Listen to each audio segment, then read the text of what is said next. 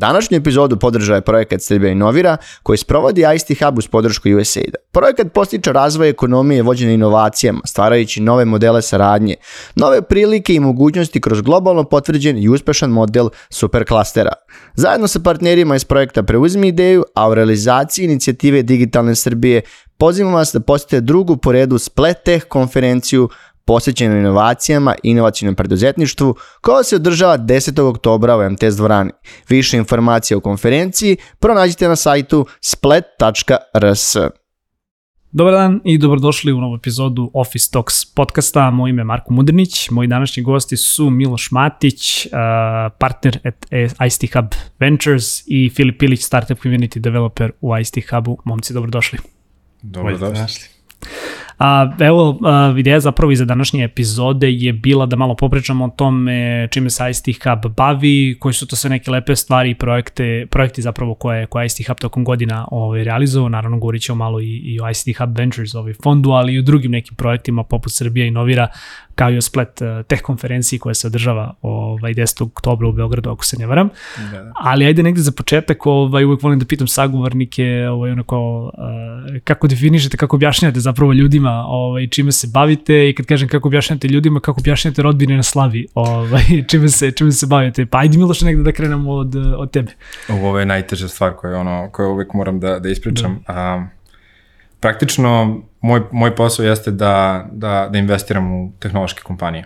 Eto, plastično objašnjeno, ali ispod to, te rečenice se krije dosta, dosta toga šta, šta sve ulazi u posao neko ko, ko vodi ili grupu poslovnih anđela ili neki svoj fond, ali praktično za, za onu publiku koja možda više razume ono šta je venture kapital, investiramo u startupe u najranijoj fazi, a, nudimo pored novca i podršku što se tiče mentoringa, bilo kakve vrste podrške u nalaženju osoba koje im trebaju za, za razvoj i tako dalje, tako dalje. Nešto dosta više od, od samog novca. Ne, Filipe? Moja pozicija startup community developera. Ovo je takođe izazovno objasniti a, prosječnom ovaj, čoveku šta je to i šta ja zapravo radim. Da li ti pitaju da li si ti developer, da li si ti programer? Uh, postoje, postoje takva pitanja. nešto da. u IT-u. Nešto da. u IT-u. Da, da, da. Ovaj, najpre obično objasnim šta je to startup, krenemo od toga, pa onda kažem da kreiram i implementiram neke programe za startupe koji podržavaju startupe. A, zajedno sa kolegama gradim neku zajednicu i trudimo se da budemo na usluzi i da budemo podrška a, osnivačima i zaposlenima u startupima u Srbiji. Pre svega, ali i regionalno. Da, dobro, hvala vam na predstavljanju. A, e sad kažem, ovaj razgovor sam negde zamislio, pošto Miloš i ti ja zaista znamo već dugi niz godina, pa sam negde zamislio kao ajde da malo se vrano vratimo back in time, a, da popričamo možda i o to nekom periodu kada je, kada je ICT Hub osnovan i da negde probamo iz vaše perspektive da pa ne mogu kažem da sumiramo, ali da negde napravimo jedan presek IT zajednice, a, da kažem startup zajednica ovih nekih proteklih 10 godina koliko, koliko je svi, te, svi tu negde pratimo i koliko smo da kažemo već i, involvirani ovoj njoj. Uh, pa ajde možda da tu krenemo kao kako je nastao ICT Hub uh, i koje su to neke najznačajnije stvari koje ste radili tokom godina. Uh, down the memory lane. Down the memory lane. um, pazi, ICT Hub je nastao te 2014. godine, uskoro slavimo, sledeće godine slavimo ovaj, 10 godina postojanja. Um, prvo, prvo smo krenuli kao, kao inkubator. A, inkubator koji treba da razvije ideje, nečije ideje, da će pomogne razvoju nečih ideja u biznisu. To, to ti dovoljno govori gde se nalazi naš ekosistem tada. Mi smo bili jedan od tri huba koji je bio, koji, koji je poslovao u, u Srbiji generalno, u Beogradu pre svega. I, i 2014. 2015. i do nešto polovine 2016. inkubacija je bila stvar koju smo radili. A isto vredno pomena da je to potpuno privatna inicijativa. Došlo do ljudi koji razumeju neku vrstu budućnosti, ono, znaju šta treba, naš treba fokusirati kao startupi, inovacije koje dolaze od startupa je nešto što treba, naš treba obratiti pažnju, što je 2014. kada je sve krenulo. ovaj, 2016. tu je veliki sad onaj iskorak koji smo imali. To je ono gde, gde računamo puteve i gde se sad veće stvari dešavaju.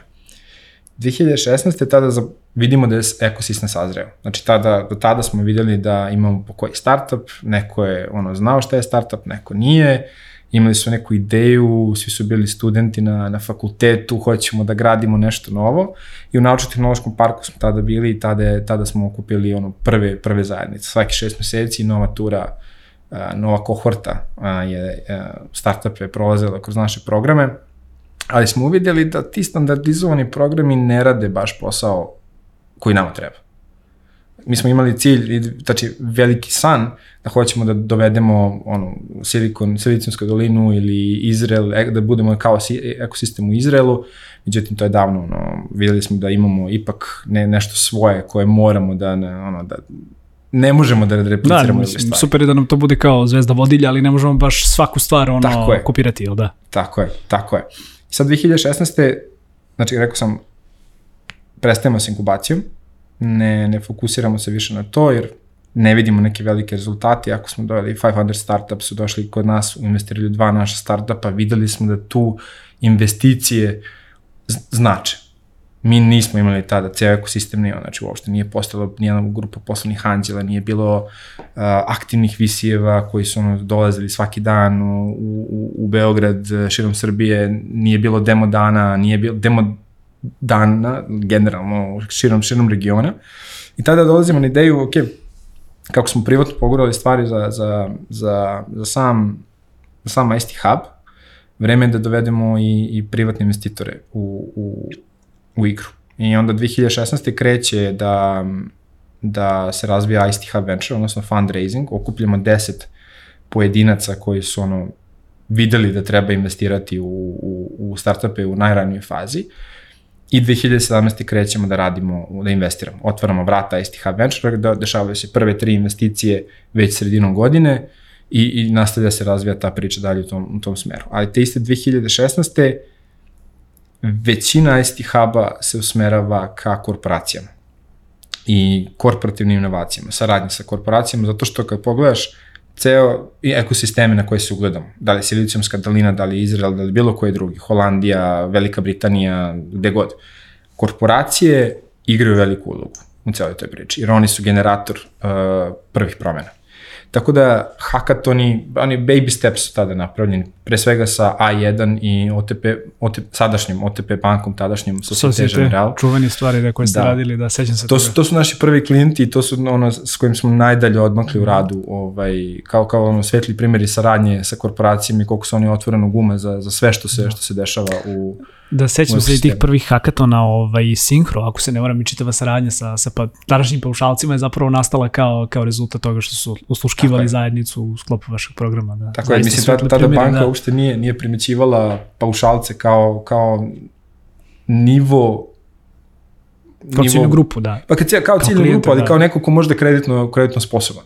I paušalci su bili potpuno ispod radara tada bankama i saradnje paušala i tada Societe Generala banke otvorio potpuno neko novo tržište i odatle ono sve krenulo, mislim, da, da ne ulazim sad u te detalje. Zaista se, da, zaista se, zaista se dobro sećam, sećam toga. Evo sad kad si spomenuo 2000, to je kraj 2016. mislim da, da ste krenuli da radite na fondu, znam da sam baš gledao kao kada sam ono intervjuisao ovaj Kostu mm -hmm. a, za, za ovaj ICT Hub Venture, to je bio januar 2017. Baš u, ovaj, na prostoru na Zvezdari, kao wow, koji, koji ovaj, ono trip down the, down the memory lane. A, Filipe, ajde iz, iz tvoje možda negde perspektive isto, ako bismo se tipa možda da kažem napravili kratku rekapitulaciju a, naše scene, eto da kažem od a, momenta kada je nastao hub, pa čini se i meni, ono, imam taj neki utisak da je od 2016. 16. i 17. godine sve nekako krenulo dosta brzo da se, da se razvija, ali eto da kažem, imali smo da kažem te neke prve pomake i ono, stoji i, i mislim da svi to negde znamo da je da je to, da to bila neka oskočna daska za, za ovo što danas predstavlja domaću IT zajednicu. Tako je. A, tada u to vreme, 2016-17, ja sam IT scenu i startup scenu pratio kao student. A, celom ekosistemu sam se pridružio a, 2020. godine i da kažem, od tada sam svedok a, brzih, brzih promena o, i rasta. Imali, tad smo imali najviši rasta.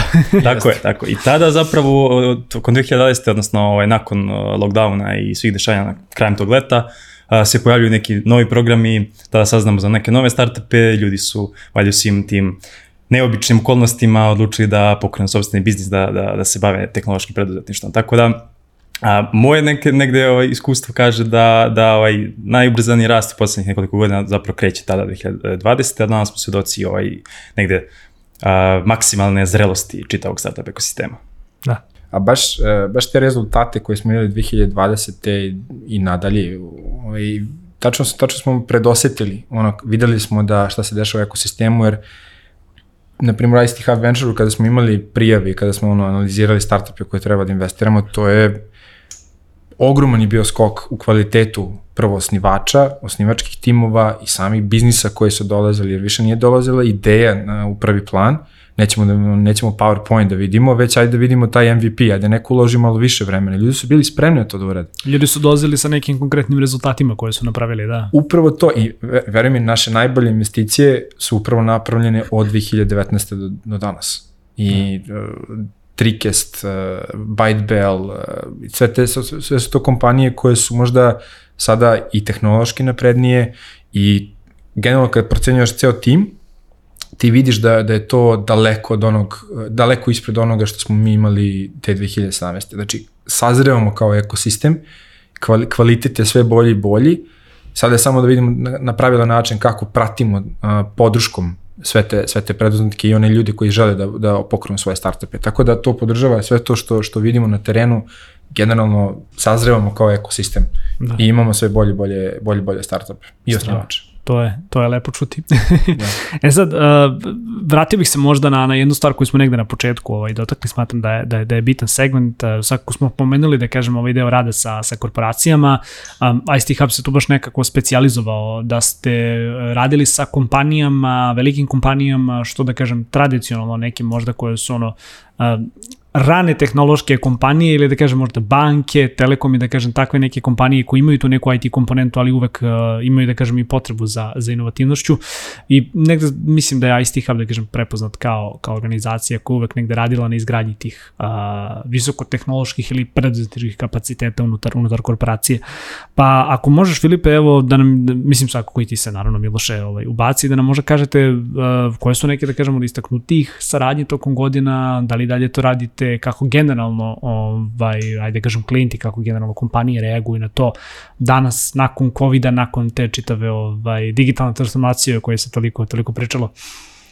Tako je, konteksta radi, ovde pričamo dakle o dve na izgled veoma različite organizacije koje čine neku privredu. Pričamo o velikim sistemima sa uspostavljenim biznisima, razvijenim poslovnim modelima, velikim brojem zaposlenih, kapitalom i tako dalje. S druge strane imamo ali tako, kompanije u razvoju, mali timovi bez, bez kapitala i sa dosta izazova pred sobom.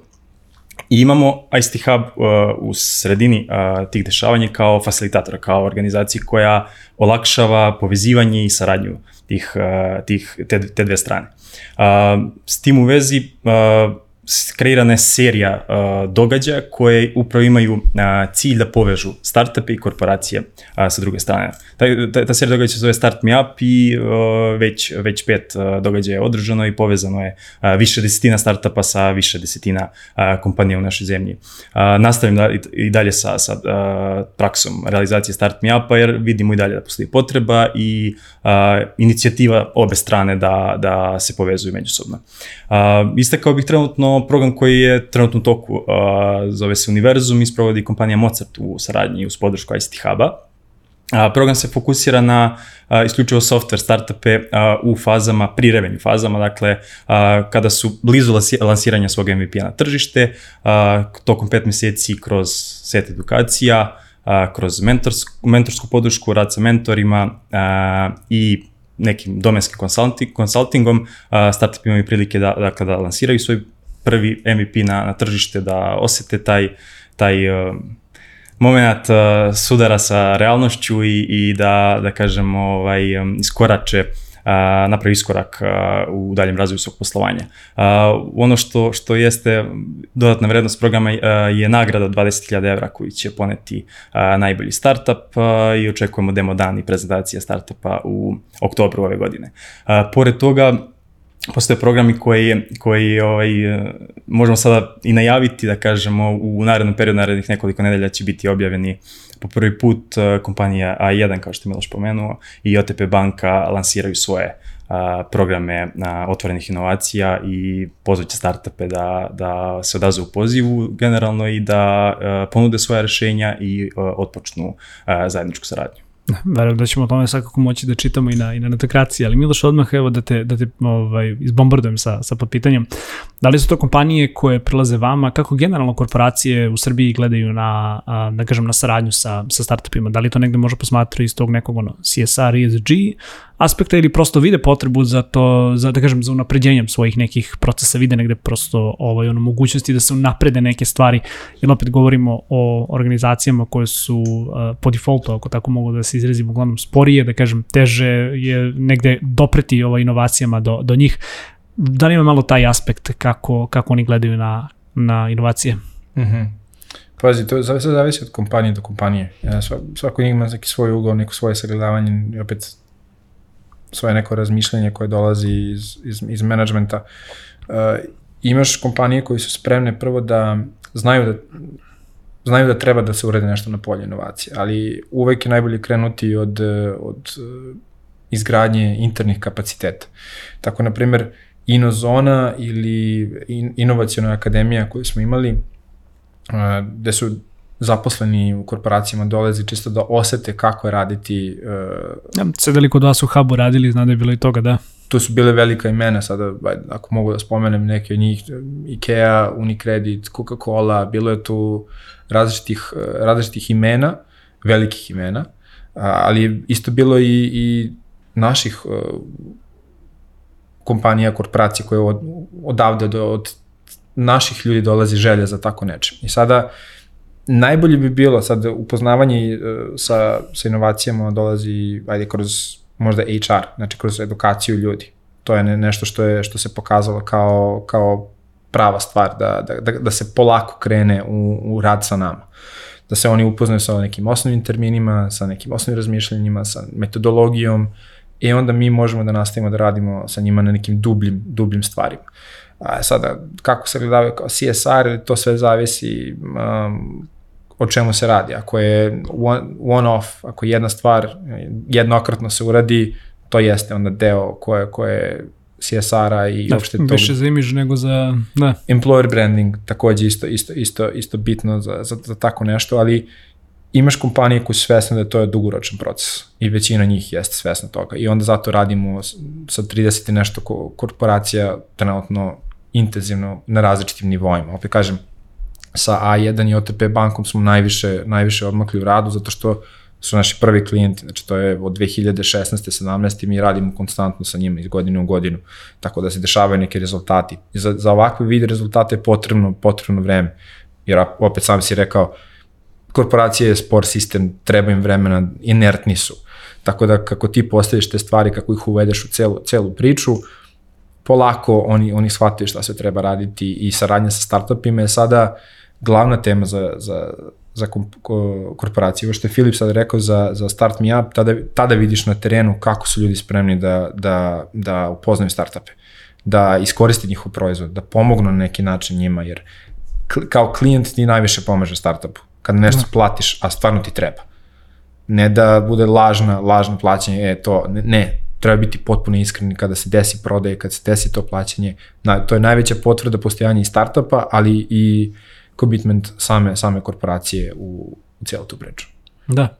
Ne, definitivno mi se sviđa to što si rekao, ovaj, još jedna stvar koju ajde, uletit ću sa, sa pitanjem, ovaj, nešto što smo da kažem mi barem ovde primetili, znaš kako sad govorimo o IT industriji, evo proteklih nekih godinu dana, pominje se taj kao ekonomski downturn, pominje se ta neka kriza.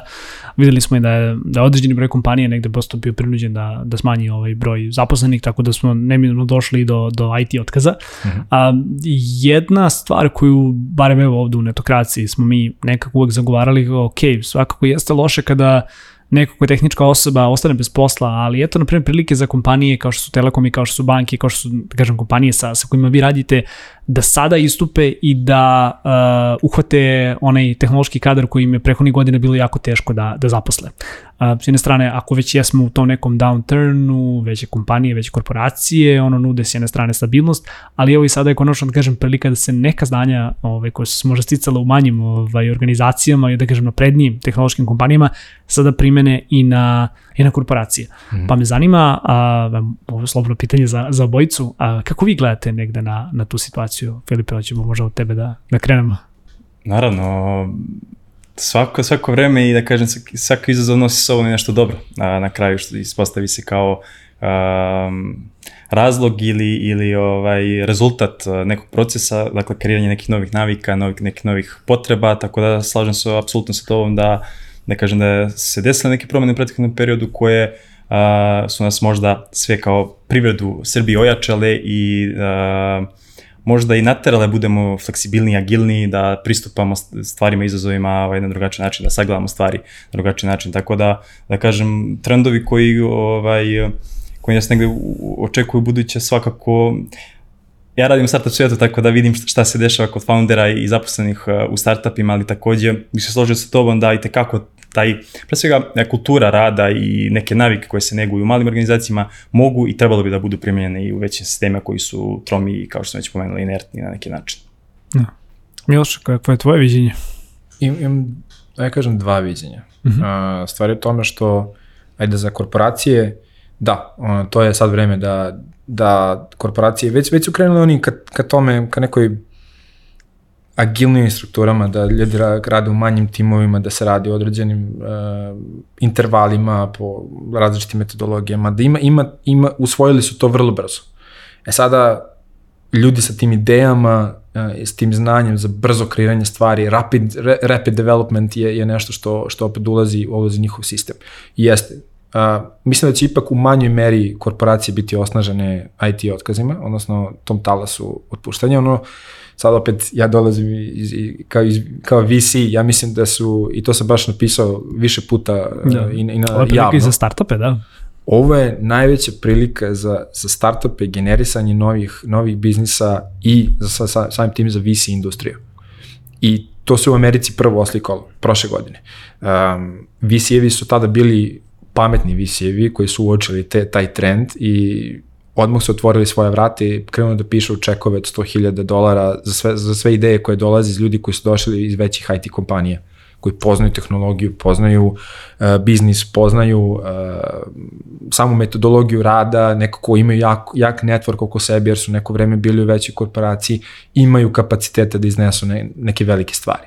I to je sad veliki, velika ono, ono veliko klađenje, velik big bet za, za da. VC-eve. Pustimo sada uh, 100 startupa da dobiju po 100.000 eura, 10 će napraviti nešto, nešto vredno što će iz ove krize ili downturn ili zemljotresa kreirati neku vrednost, da. Doneti neku vrednost. Kao što je, kao što je ono Airbnb, Uber, kad su izašli iz 2008. 9. godine, ajde sad uzimam te plastične primere, ali svima su poznati, kao što su oni izašli iz krize ojačani, a su oni pre, no, 2006. 7. krenuli da rade na tim stvarima, tako je ovo možda i pri, velika prilika za, za, za novu generaciju uh, startupa da izađe i izađe kao pobednik iz ove krize.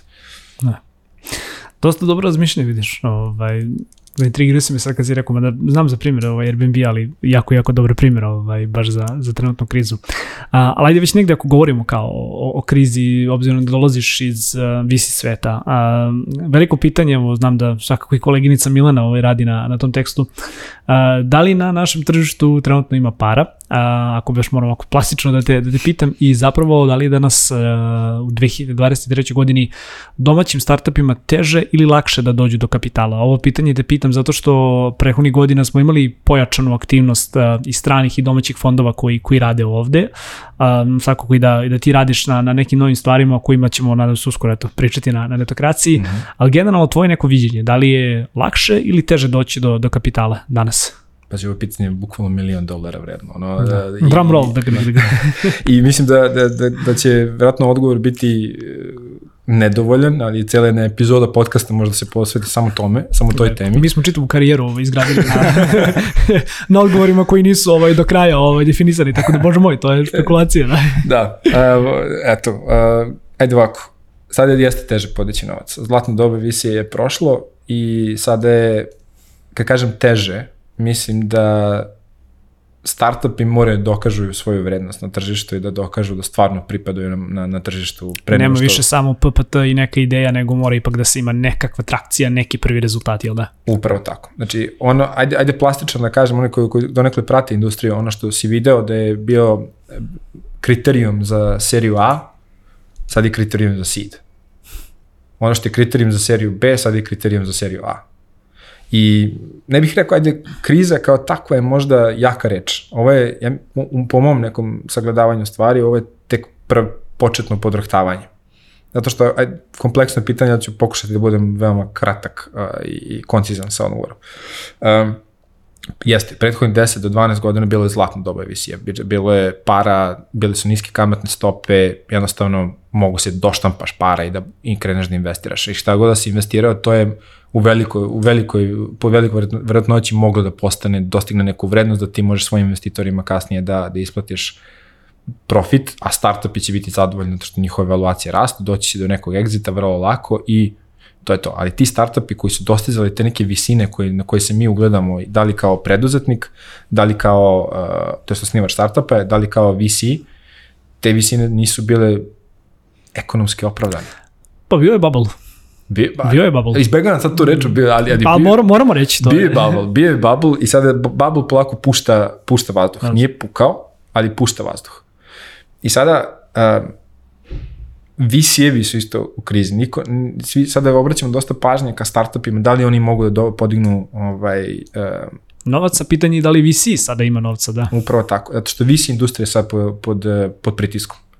Jer ti, sada kako su krenule da rastu ove Kamatne stope. kamatne stope centralnih banaka, kada je to krenulo, da- kada je poskupljuje kapital, onda VC je ono bukvalno 10% celog bogatstva koje se alocira upravo u, u tu asset klasu. Većina ide na berzu, ide u nekretnine, ide u drugi hedge fondove, ide u private equity potencijalno i ide u drugi asset klase. Ovo što mi vidimo vredno globalno visi je tek desetak procenata svega onoga što se dešava u, u, u fina- finansijskom, finansijskom svetu. Sada VC-evi kako krenu da, da, da ka, inflacije, kako krenu da rastu opet te iste kamatne stope koje šesti put sada, sada spomenjem, to dramatično utiče na same startupe, a konsekventno i, sa, i, na, i na fondove. Startup ima ogromne troškove, kao oko 20, 30, 40% u troškovima koji nije budžetirao a, i mora da doradi do kapitalizaciju, VC-evi onda urade follow-on, znači dodatno daju uh, novca, novca startupu da bi mogli da održe taj svoj portfolio živim, jer ne smeju da pokažu velike gubitke, jer sledeća generacija fonda zavisi od toga šta su uradili sada. I kada je krenulo prve, prve podizanje kamatnih stopa, fondovi su se uplašili. Ovo je više behavioralna stvar nego što je racionalna stvar. Uplašili su šta se dešava sada. I više su se fokusirali kao svojim portfolijima nego novim investicijama. I nisu gradili svoj portfolio do kraja, kao što su obećali svojim investitorima. I sad 2024. znači Q1 sledeće godine Q2, očekujem da ćemo vidjeti prve naznake da se broj VC fondova smanjuje. Jer nisu svi bili uspešni u svom poslu i nisu svi podigli naredne generacije fondova.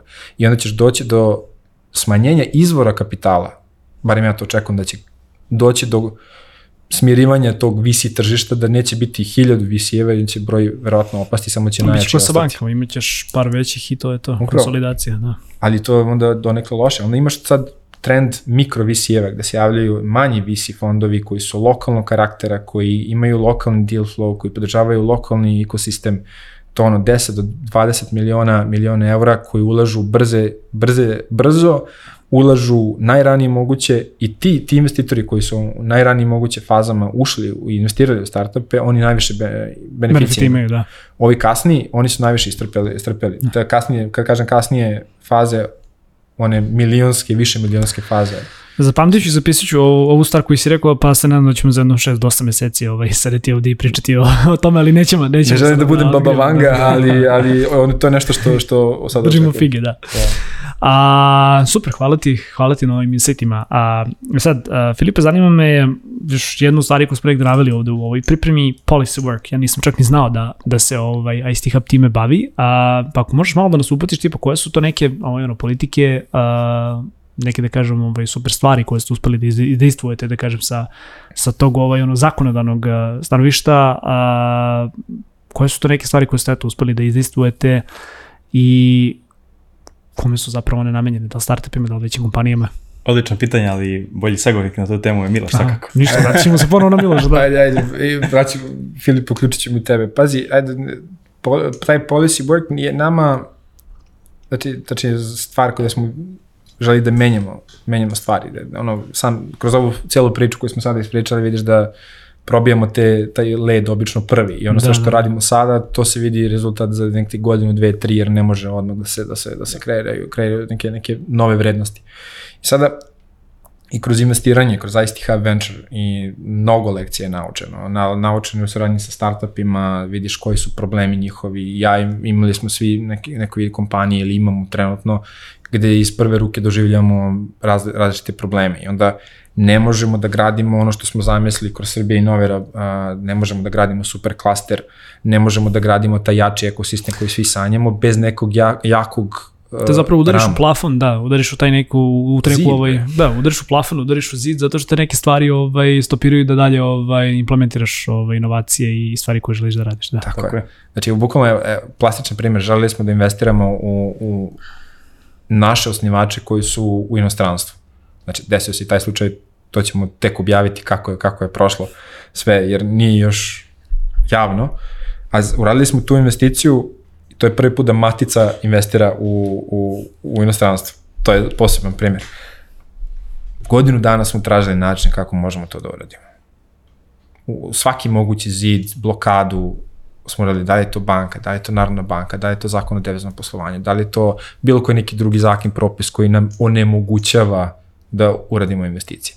Bukvalno kroz tih godinu dana, bukvalno sam popisao stvari, sve, sve lekcije i sve udare koje smo istrpeli i rekli smo ovo mora se promeniti. Da. Znači, mi imamo grupu anđela, grupu ljudi koji su spremni da investiraju i kažu hoćemo da podržimo naš, našem startupu treba, znači naši osnivači u inostranstvu kaže treba nam kapital, znači imamo viziju, možemo da izgledamo, mi verujemo u tu viziju, ali ne, ne postoji način da investiramo. I onda smo ono, deset stvari smo popisali ovaj, i sad to baš ide u narednih par nedelja m, kao, kao policy direktno ovaj, ka, ka onome ko treba sagovornicima u državi da vidimo da opipamo stvari i da promenimo to što da sledeće investicije koje pravimo kroz SPV model, kroz jednokratno investicijeno vozilo, kada se grupe ljudi udružuju, da imamo, imamo efikasan model koji je Evropska unija postavila, da li je to bilo gde da je Holandija ili gde, to, taj način investiranja postoji, a mi već većinu stvari već usvajamo od Evropske unije jer se pripremamo za te integracije. Da, jako bitna stvar, mi ovde ne, ne kreiramo ništa novo, mi usvajamo stvari koje su već dokazane ovaj, u inostranstvu. Bukval. I da kažem opet u sklopu a, modela kojima i sami težimo kao društvo, jel da? Pa tako, gledamo da standardizujemo da. stvari, da se globalno priključimo na, na, na ono što je već postao standard na zapadu, a mi želimo da izgoramo te stvari. Sada, da li je to a, investiranje kroz SPV, koji treba da bude olakšano sa nekim određenim porezima, da možemo da imamo veću fleksibilnost kada investiramo, da ljudi koji imaju, koji investiraju, koji preuzmu taj risk, treba imaju neke poreske olakšice. A, kompanije treba isto da se uključe ako investiraju u fondove. I oni moraju da imaju neki incentiv. Je, samo ću ti reći ovaj, ovaj podatak, da posle možemo da pričamo i dalje, kad god o tome. 17,5 milijardi eura živog keša sedi na našim računima u trenutno Republici Srbiji i nije mobilizovan deseti deo da, da izvučemo da, da pokrene, da se investira u, u kompanije, nema, nema, da li to startup ili SME na neki način da se iz našeg novca, našeg kapitala koje sedi na računima se finansira privreda. Dinamika kapitala je jako bitna stvar a mi nemamo tu, tu naviku da investiramo zato što imamo upravo te granice i upravo te plafone kojima ne možemo, ne možemo da preskočiti i upravo to hoćemo da promenimo. Jedna stvar u kojoj se investira u Srbiju to je nekretnine, od uvek. Upravo da. te iste zidove koje nas ograničavaju. Sa, svakim ono visijem s kojima sam pričao uvek se ovaj, uvek nekako završimo kao šta ljudi investiraju u Srbiji, nemaš stock market. Eto, startupi su jedna od mogućnosti, ali naravno i tu treba dosta da se radi kao šta ti preostaje, nekretnine. Da. I to je ključna da, da. edukacija ljudi, mjesto pre svega. I da. baš kroz projekat Srbije Novira je kreirana ta akademija za investitore. Bravo. Da se ljudima prikaže šta sve ono, mogućnosti za investicije, ne samo nekretnine. Pričat ćemo i sad, pričat ćemo, da, pričat ćemo sad o programima, tu si mi, tu si mi ti, ovaj Mhm. glavni samogovornik, ali još jednu stvar, sam, stvar samo želim da, da prođem s Milošem. A, da ne ulazimo sad u domen politike, nije svakako tema za, za podcast. A, ono što me samo zanima, sa druge strane, kada i dođeš sa nekim određenim problemima i ono pain pointovima koji ti guše ekonomiju u ovom trenutku i ono što, što da kažem može da, da bude od ekonomije, Da li na drugoj strani ima ljudi koji su spremni da saslušaju? Bez obzira što možda nisu u startu i upućeni u tematiku, da li druga strana je barem voljna da sasluša? Kratko ću reći, jeste. Imamo jako dobre sagovornike koje, koji su spremni da, da budu naši ambasadori za sve što, radimo. Sada oni su na određenim pozicijama, oni mogu da pomognu, da, da, da naprave, da organizuju sastanak, ali ne mogu da, nismo donosioci odluka. Ali svakako imaš ljude u, u državi koji su spremni da slušaju. Da. To je lepo čuti. Ohrabrujuće. Ohrabrujuće jeste i, i ja sam bio ovaj, prijatno iznenađen kad smo vidjeli da ima sagovornika s kojim se razumemo. Da. I koji su svesni problema. S tim stvarima moraš da radiš. Ako zaista želiš neke promene korenite da budu, moraš da radiš. Tako, Tako je. da, jasno. Tako je. A, programi. A, svakako smo spomenuli Srbija inovira. Mene zanima koji su to još neki programi ovaj, na, na kojima je ICT Hub tokom godine radio, pa možda da krenemo od toga, pa svakako da se prebacimo na, na Srbija inovira, koji verujem da je kruna prosto nečega što, što ICT Hub radi već godinama i da, da verovatno je od najvećih stvari na kojima trenutno radite. Vratio bih se negde na početak razgovora i podsjetio da stvarno ovaj, u posljednjih nekoliko godina nastalo dosta programa za, koji su fokusirani na startup ili inovativne SME-eve. U mnogim od njih ICT Hub ima neku ulogu kao, kao podrška, kao partner a, ili faktički implementator ovaj, takvih programa. Sad, do, do, tema za, sama za sebe i pisao sam na blog na, na tu temu, ovaj, možda su ljudi imali prilike da pročitaju. A, izdvojio bih nekoliko koji su negde ovaj, naj, tr- trenutno u, u toku i uh, radi se na njihovoj implementaciji, a i donose specifičnu vrednost za domaće startupe. Uh, pre svega uh, program X2, uh, gde negde ICT Hub demonstrira a, veći uticaj, kad kažem veći mislim na, na regionalno područje, zato što je X2 a, projekat za celu Evropu. A, obuhvata podršku a, startupa u celoj Evropi a, i ob- obuhvata, da kažem, sve druge stakeholdere a, na nivou Evrope. A, ne radimo ga sami, a, tu je bitan konzorcijum, a, predvođen od strane F6S, a, globalne startup platforme i u saradnji sa Zabala Innovation a, organizacijom a, iz Španije. A, ovaj konzorcijum sprovodi program a, koji traje dvije godine, trenutno smo negde na, na sredini, ovaj, bližimo se kraju prve godine, fokusiramo se na deep tech startupe. Startupe koji se bave razvojem visokih tehnologija i imaju izuzetno kvalitetne proizvode. Nije ključan, ključna faza razvoja samog proizvoda, već postoji namera koju, koju oni žele da dostignu i, i ciljeve koje žele da dostignu razvojem svog proizvoda. Zajednica oko X2 je veoma bitna i zajednicu čine da pored 50 startupa koji će biti podržani a, takođe takozvani impact builderi, odnosno pružavaci a, usluga najrazličitih usluga. To su ljudi koji mogu da, da pomognu u tech razvoju uh, nekog proizvoda ili u business developmentu, u marketingu i tako dalje. Dakle, okupili smo 350 takvih pružalaca usluga koji će pomoći startupima da, da prevaziđu neke prepreke. Takođe, treći segment, uh, treća treći akter u zajednici jesu korporacije koje smo već pomenuli, tako da okupljamo uh, oko 70 uh, kompanije, velike korporacije na nivou Evrope koji će biti deo zajednice i ponuditi svoje uh, ne usluge, već uh, ponuditi saradnju startupima, sada se, da se ne vraćam već uh, ono o čemu smo već pričali. Startupima uh, se kroz program donosi 30.000 evra u voucheru koje mogu iskoristiti za plaćanje usluga ovim pružocima koji sam, koje sam već pomenuo. Imaju prilike da upoznaju na različite investitore, kompanije, da putuju, uh, sve u cilju naravno ovaj, ili podizanje investicija ili, ili ovaj, nekih drugih poslovnih ciljeva. Uh, X2, eto, mm, sada trenutno pozivamo health tech i biotech startupe, tako da do 5. septembra je, je, je otvoren poziv, tako da ovaj, nadam se da će što više startup iz ovog regiona pre svega ovaj, iskoristiti priliku, a do sada iz uh, agritech oblasti i manufacturing circle economy imali smo jako dobar odziv startupa, pre svega iz Srbije, ali i regiona, tako da ovaj, jedna velika stvar i nek novi projekat koji se kao kroz mehanizam Horizon Europe od strane Europske komisije koristi a, da bi se pomogla čitava priroda, ja bih rekao, ne samo startupi koji koriste voucher, već kao što sam pomenuo različiti pružaci usluga, ali i kompanije. Da.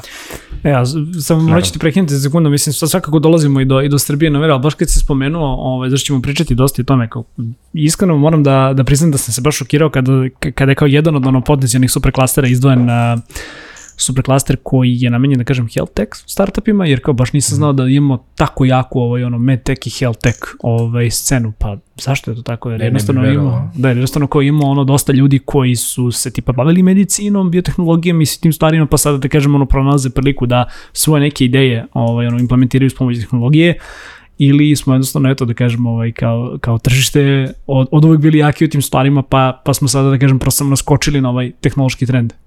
Ja. No, ajde. Ovo, pazi ovako, mi ne, ne- nemamo pojma šta sve nalazi u našim institutima i, i fiokama fakulteta. Ljudi, ko, ljudi, pametni ljudi koji rade na nekim pametnim stvarima, ali to rade za, za druge kompanije i to je izvoz naš koji ode, ode iz zemlje. A mi toga nismo ni svesni.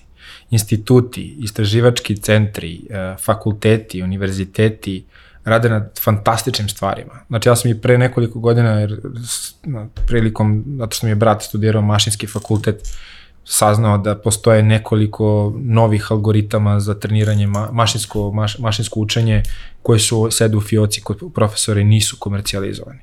Znači to je jedan od najvećih problema. Imamo znanje, ali nemamo kapacitet da to komercijalizujemo. Znači uvek prodaja i komercijalizacija nam uvek bilo ono, Da. naj, najveći pro, problem. Što je simptomatično, jer uglavnom su u svetu inovacije, ako, ako pogledamo zaista ono sisteme, znači ne silicijumsku dalinu koja je ono izuzeto kod pravila, već zaista sisteme koji to ono rade uh, pametno i, i, i da kažemo već dugo godina ono naš ulažu, uh, ulažu uh, jako velike napore da bi ne se nešto desilo za 10, 15, 20 godina, uglavnom inovacije dolaze sa, sa univerziteta.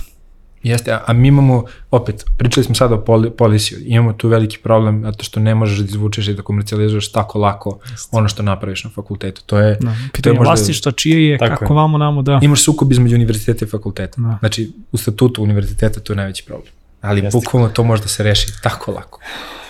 Pitanje Ali- kome pripada IP, da, da. Tako je. Ali sad mislim da, da opet postoji i želja da se to promeni sa ovim stvarima koje sad se planiraju. Sa, sa to je prilika i za fakultet. To je veli, da, ali FTN, na primjer, u Novom Sadu je to prepoznao. Znači, univerzitet u Novom Sadu to radi bolje nego uni- univerziteti u, u zemlji. Znači, oni imaju, imaš nekoliko stvari koje izašle s njihovih fakulteta koje se komercijalizovalo. Da li je to u Akteku, da su to neke novi, nove formule za, za, za džubrivo, organsko džubrivo ili šta god. Generalno, Novi Sad je tu centar zbog, i zbog Bioscience instituta i zbog mm -hmm, pristupa da, da. poljoprivredi jak, jak, ali tu i informatika dosta jaka, IT je dosta jak. Ako pametni ljudi rade, ta, rade na nečemu na, na tim fakultetima i lako mogu da, da sporazumno sa fakultetom iznesu i komer, pokušaju da komercijalizuju te stvari. I ne, za, za, zato se- Đavoli, đavoli su ti novosađani, da. ali pazi, da to, to jeste stanje, to, baš, baš kad smo i pl- planirali, da ne možda trčim i sad bi pred rudu, ali kad smo, kad smo gledali šta se dešava oko Srbije i Novera, pre nego što smo znali da se to zove Srbije i Novera, znali smo da mora da se iznese, da imamo, mora da imamo neku specializaciju, mora da imamo neki, neku veliku opkladu u našem ekosistemu. Do sad smo sve bili sve i svašta, ali generalno upravo se to Tražili dešavalo. smo se malo ovako. Tražili smo se, ali onda saznaš, jer smo imali hiljadu, hiljadu intervjua, da li sa univerzitetima, sa institutima, sa, sa ovim, sa onim, sa korporacijama, sa hubovima, sa investitorima, ovaj, i tada saznaš da, je- da postoje stvari koje nisi imao uopšte nigde u vidu. Nikog nije to znao da se dešava.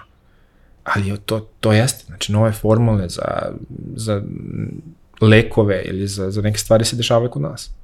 Radi se na tome. A mi nismo toga, nismo toga bili svesni. I sada opet treba podići svest i reći, ok, imamo mi nešto da, za, za globalnu scenu. I tu na scenu stupa Srbija Novira, je li tako Filipe? Tako je, a ako se slažete, ja bih samo iskoristio priliku, pričali smo i o financijama i o velikim korporacijama i saradnjem sa startupima, iskoristio bih samo priliku da pomenem još jedan program a, koji sprovodi Europska banka za obnovu i razvoj, EBRD, a, Star Venture program koji već četvrta, peta godina za redom kako se sprovodi, sjajan program koji donosi ekspertizu i veliku podršku da kažem, ovaj, finansijske institucije tog, tog nivoa.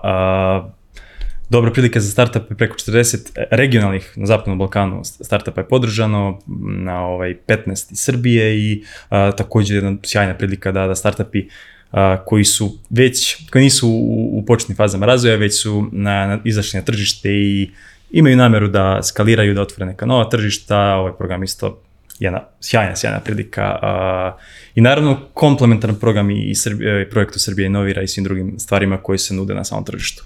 Uh, kada pričamo o projektu Srbije Inovira, uh, projekat koji od 2021. godine ICT Hub sprovodi uz podršku USAID-a, za cilj ima kreiranje prvog ikada superklastera uh, po kome Srbija treba bude prepoznatljiva globalno.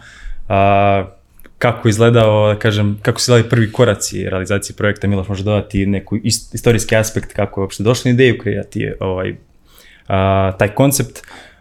Kroz jednu pilot fazu koja je trajala 12 meseci bilo je odebrano četiri pilot superklastera iz različitih oblasti. Pomenuli smo health tech i biotech, tu je pored toga bio gaming VR, a, Web3 i blockchain tehnologija i agritech kao četvrta oblast. Organizatori, da kažem, ljudi koji su vodili superklastere i druge organizacije su okupili nazvaćemo konzorcijum, ali odnosno ovaj, grupu aktera koji, koji zajedničku saradnju a, treba da omoguće jednostavniji, brži, brži nastanak inovacija, razvoj tehnološkog preduzetništva, startupa i tako dalje. Oni su kreirali svoje neke kurikulume, programske aktivnosti, različite programe podrške, aktivnosti, konferencije i tako dalje. I kroz tih 12 meseci je ovaj, da kažem, se jasno videlo stanje iz ove četiri oblasti i da kažem kapaciteti a, koje mogu dalje da se iskoriste. Nedavno pre nepuno dva meseca je odabran a, prvi srpski superklaster, to je... A, odličan 3, ako se Tako je, odličan 3. Sjajno ime, by the way. Web3, iz Web3 blockchain a, oblasti, tako da će oni uz a, podršku USAID-a naredne dve godine raditi na, na dostizanju svojih ciljeva, razvoju a, daljih aktivnosti, daljoj podršci koja postaje sve više fokusirana i da kažem obuhvata svoju nišu, svoju oblast i, i usko se fokusira na sve ljude koji se bave tom oblasti a, u našoj zemlji i zato je, da kažem, to, toliki znači samog projekta ovaj, kod nas. Pa generalno zbog značaje za ceo ekosistem, ovaj, zato što je cilj samog superklastera jeste da dovede ceo svet u Srbiju. Znači svako ko se bavi blockchainom kao tehnologijom, Ne, ne pričamo o specifičnim primjenama, da li je to kripto i, ili bilo šta, nego blockchain kao tehnologija, šir, najšira moguća primjena te tehnologije u tradicionalnim industrijama. Svi koji pomisle na, na blockchain, želim nešto da radim u blockchainu. Srbija. Tako Srbija. Je. Srbija je mesto da dođeš. Ne. To je, to je cilj. Da, a, mislim, ja ću reći s moje strane, ovaj, ono, kao jedan od razloga zašto mi se ono, bi svidio u startu projekat jeste a, broj ljudi koji se okuplja. Mislim da je ovo, sad evo, vi ćete mi ispriti, ovo je možda moje usko vi, viđenje, ali mislim da je ovo prvi put da smo zaista, bar evo iz mog ugla, novinarskog ugla, da sam vidio da se u, u, u toj meri uključuje akademska zajednica. Jer uvek je pribilo, znaš kao, gde se dešavaju inovacije? Pa neko je radio u korporaciji, pa je izašao, pa je našao programera, pa je uzao s njim da radi, napravili kompaniju, digli pare, radili, scalovali, prodali, znači to je neki ono ciklus kako, kako je to inače bilo. Mm -hmm. Ovo je prvi put da si u većoj meri zapravo, znaš kao, o, u video priliku da se akademska zajednica uključi u ovo i dao im priliku da, da rade. Tako da meni, na primjer, to je to bilo onako zaista... Tako je, korišćena je globalno da kažem, poznata metodologija kreiranja superklastera i upravo je po toj metodologiji, da kažem, bila obaveza u superklaster uključiti akademsku zajednicu, ovaj, fakultete, druge organizacije, naravno druge kreatore i da kažem ovaj, sisteme podrške čitavom ekosistemu,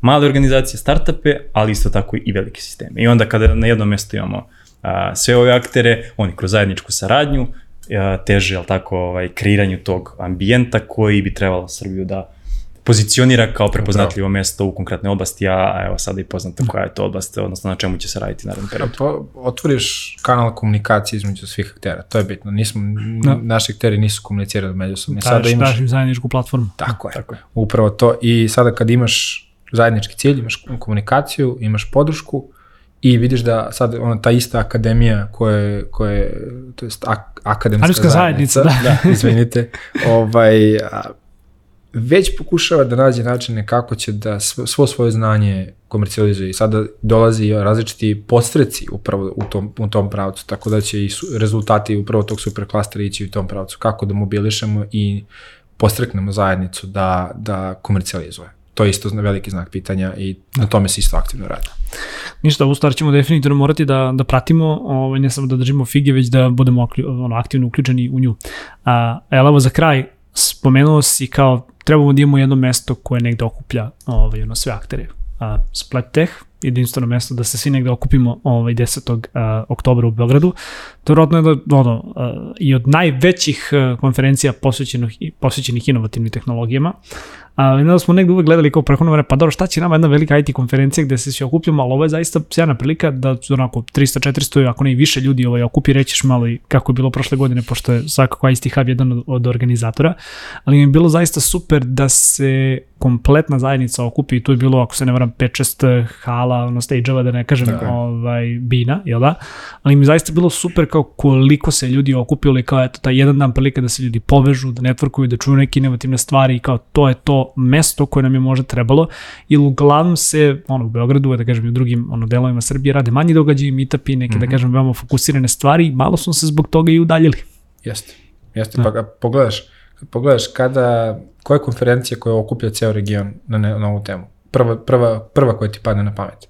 Da li je to Podim, da li je to da. Infobipova konferencija koja, koja okuplja start, start, start, start Ja moram da kažem da jeste, ali šalno jeste, da. Ovaj, ali o, u Makedoniji postoji, u Crnoj Gori nema, u Bosni nema. Ne znam što se desi, možda nešto u Bugarskoj. Kad pogledaš stvari, bukvalno imaš rupu od, od Maribora do, do Da, ne vidi, tokom godina, to će sad baciti ovako ono shameless plug, ali ovaj, tokom godina još uvek se svi kao parentokracija, Srbija, Hrvatska, kako, znaš kao, uvek smo mi pokušavali i cimali se da budemo ta neka regionalna spona i to je jako, jako, jako težak i komplikovan posao. Jer moja premisa da. bila, ne možeš da imaš ekipu koja razvije jednu stvar u Beogradu i da imaš isto takvu ekipu u Zagrebu i da oni ne znaju da jedni drugi postoje. Neka su ono, neka su suparnici, neka ono zajedno izlaze na tržište, ali kao u većini slučajeva ti ljudi će se povezati ili zajedno raditi ili razmeniti neka iskustva. Istina, upravo to. Znaš kao, ne, ne, ono, ne, nedopustivo je da tako, na tako malom geografskom ovaj, ono, području imamo ljude koji ono, prosto ne znaju šta se, šta se radi ovaj, u susedstvu. Danas je situacija bolja, ali i dalje je to daleko od toga kako može da bude. Ali ide, ide na bolje. To je upravo, upravo Split ove godine ovaj, teži toj regionalno, regionalnom uticaju zapravo i okupit će, ovaj, prošle godine više e, fokus bio na nacionalni nivo, ovaj, preko 2000 mhm. a, učesnika je bilo prošle godine na, kao što si rekao, više od pet a, bina, gde je bilo različitih tema. Bili su a, i radionici isto tako sa strane, kod tematske radionice, tako da je tako. bilo lepih stvari. Tako je, ove godine regionalni nivo, a, najavljeno je devet stage-a, devet bina, a, različite teme, a, više od 70 domaćih inostranih a, govornika, predavača, moram da napomenem da Spletech radimo u saradnji sa a, kolegama iz projekta Produzmi ideju koji, koji realizuje inicijativa Digitalna Srbija, a, naravno uz podršku USAID-a, ovaj, očekuje velika su očekivanja od čitave konferencije Spleteka i da, da postane tradicija i da kroz iz godine u godinu bude sve veći, da okuplja sve veći broj uh, svih ovih aktera ekosistema koje smo nekoliko puta pomenuli. Tako da stvarno, stvarno ovaj, uh, 10. Uh, oktobar u MTS dvorana otprilike svi učesnici ekosistema, ne verujem da bi trebalo u kalendaru sam nešto drugo da isplaniraju, a da to nije spletek. Dođite ako ništa da se upoznamo. a, vidim da su neki predavači već objavljeni, tako da ako se ne varam, sajt je splet, splettech.rs. Splet, splettech.rs. Svakako ćemo ostaviti, da kažem, link ispod ovaj video ili uh, videa, ali u opisu audio fajla. A ako možete evo još za kraj da nam kažete zainteresovani kako mogu da dođu do ulaznica putem sajta ili na neki drugi način. Putem sajta, putem sajta ovaj, sve informacije, svi govornici će biti objavljeni uh, unapred, biti poznate teme, uh, potrudit ćemo se naravno čitav organizacijni tim da što je jednostavniji proces uh, dolaska do informacija i odabira onoga što svakog pojedinca zanima u toku te, uh, tog uh, sadržajnog dana i da kažem uh, agende koja je stvarno sadržajna različitim aktivnostima, tako da sajt je najbolje mesto za informisanje i ovaj, eto, vidimo sigurno je tako. Da. Jer, jer, pazi, svako ko treba da dođe, treba da se nađe u svom tom sadržaju koji ide. Znači, networking isto stvar, stvar znači, koja treba da se desi. Mora da se dovoljno prosto ljudi da se upoznaju. To je sama svrhe, svrha pre konferencije. Ta konferencija treba da bude nekako prva stanica svih iz inostranstva koji dolaze treba da se upoznaju sa našim, sa našim inovativnim ekosistemom. Jer uvek, uvek dobijemo pitanje šta, šta, gde mogu da dođem da upoznam sve. Nije bilo. Nije bilo. I sada, sada start, uh, Splat Tech treba da posluži kao ulaznica i povezivanje Srbije sa, sa ostatkom sveta na temu inovacija, da prikažemo šta sve radimo, da smo sposobni da radimo globalne stvari na, na, na svetskom nivou, da se to već dešava kod nas. Svakako, un, unapređenje će, je, je potrebno uraditi, ali ono, radimo korak po korak. I ovo je, jeste sad zamišljeno da Spletek bude upravo ta ta prva stanica svakako treba da upozna naš ekosistem i da taj super klaster bude, bude, bude vidljiv globalno. Hvala momci, mislim ništa, vidimo se onda 10. 10. Ovaj, na, na Split Techu. A, hvala vam puno što ste bili moji današnji gosti, hvala što ste negde ovaj, probali da, uh, da što smo nadam se ovaj, razjasnili neke stvari i ono, otvorili neka, neka interesantna pitanja. Um, svakako ćemo ostaviti da kažem sve ove stvari o kojima smo pričali ovaj, u opisu ispod ovog videa, tako da naši slušalci i gledoci mogu da se dalje upoznaju i povežu naravno sa vama. Um, za kraj, hvala još jednom što ste bili naši gosti, dragi slušalci i gledaoci, hvala što ste nas pratili, još jedan poslednik da Office Talks možete pratiti uh, na YouTube-u, možete pratiti putem uh, audio kanala kao što su Spotify, Deezer, Apple Podcast, uh, Google Podcast i drugi kanali. Toliko od nas uh, u ovoj nedeljnoj epizodi, a mi se vidimo naredne nedelje i pozdrav svima. Ćao! Današnju epizodu podržava je projekat Srbija inovira koji sprovodi ICT Hub uz podršku USAID-a. Projekat postiče razvoj ekonomije vođene inovacijama, stvarajući nove modele saradnje, nove prilike i mogućnosti kroz globalno potvrđen i uspešan model superklastera. Zajedno sa partnerima iz projekta Preuzmi ideju, a u realizaciji inicijative Digitalne Srbije pozivamo vas da posjetite drugu po redu Spleteh konferenciju posvećenu inovacijama i inovacijnom preduzetništvu, koja se održava 10. oktobra u MTS dvorani. Više informacija o konferenciji pronađite na sajtu splet.rs.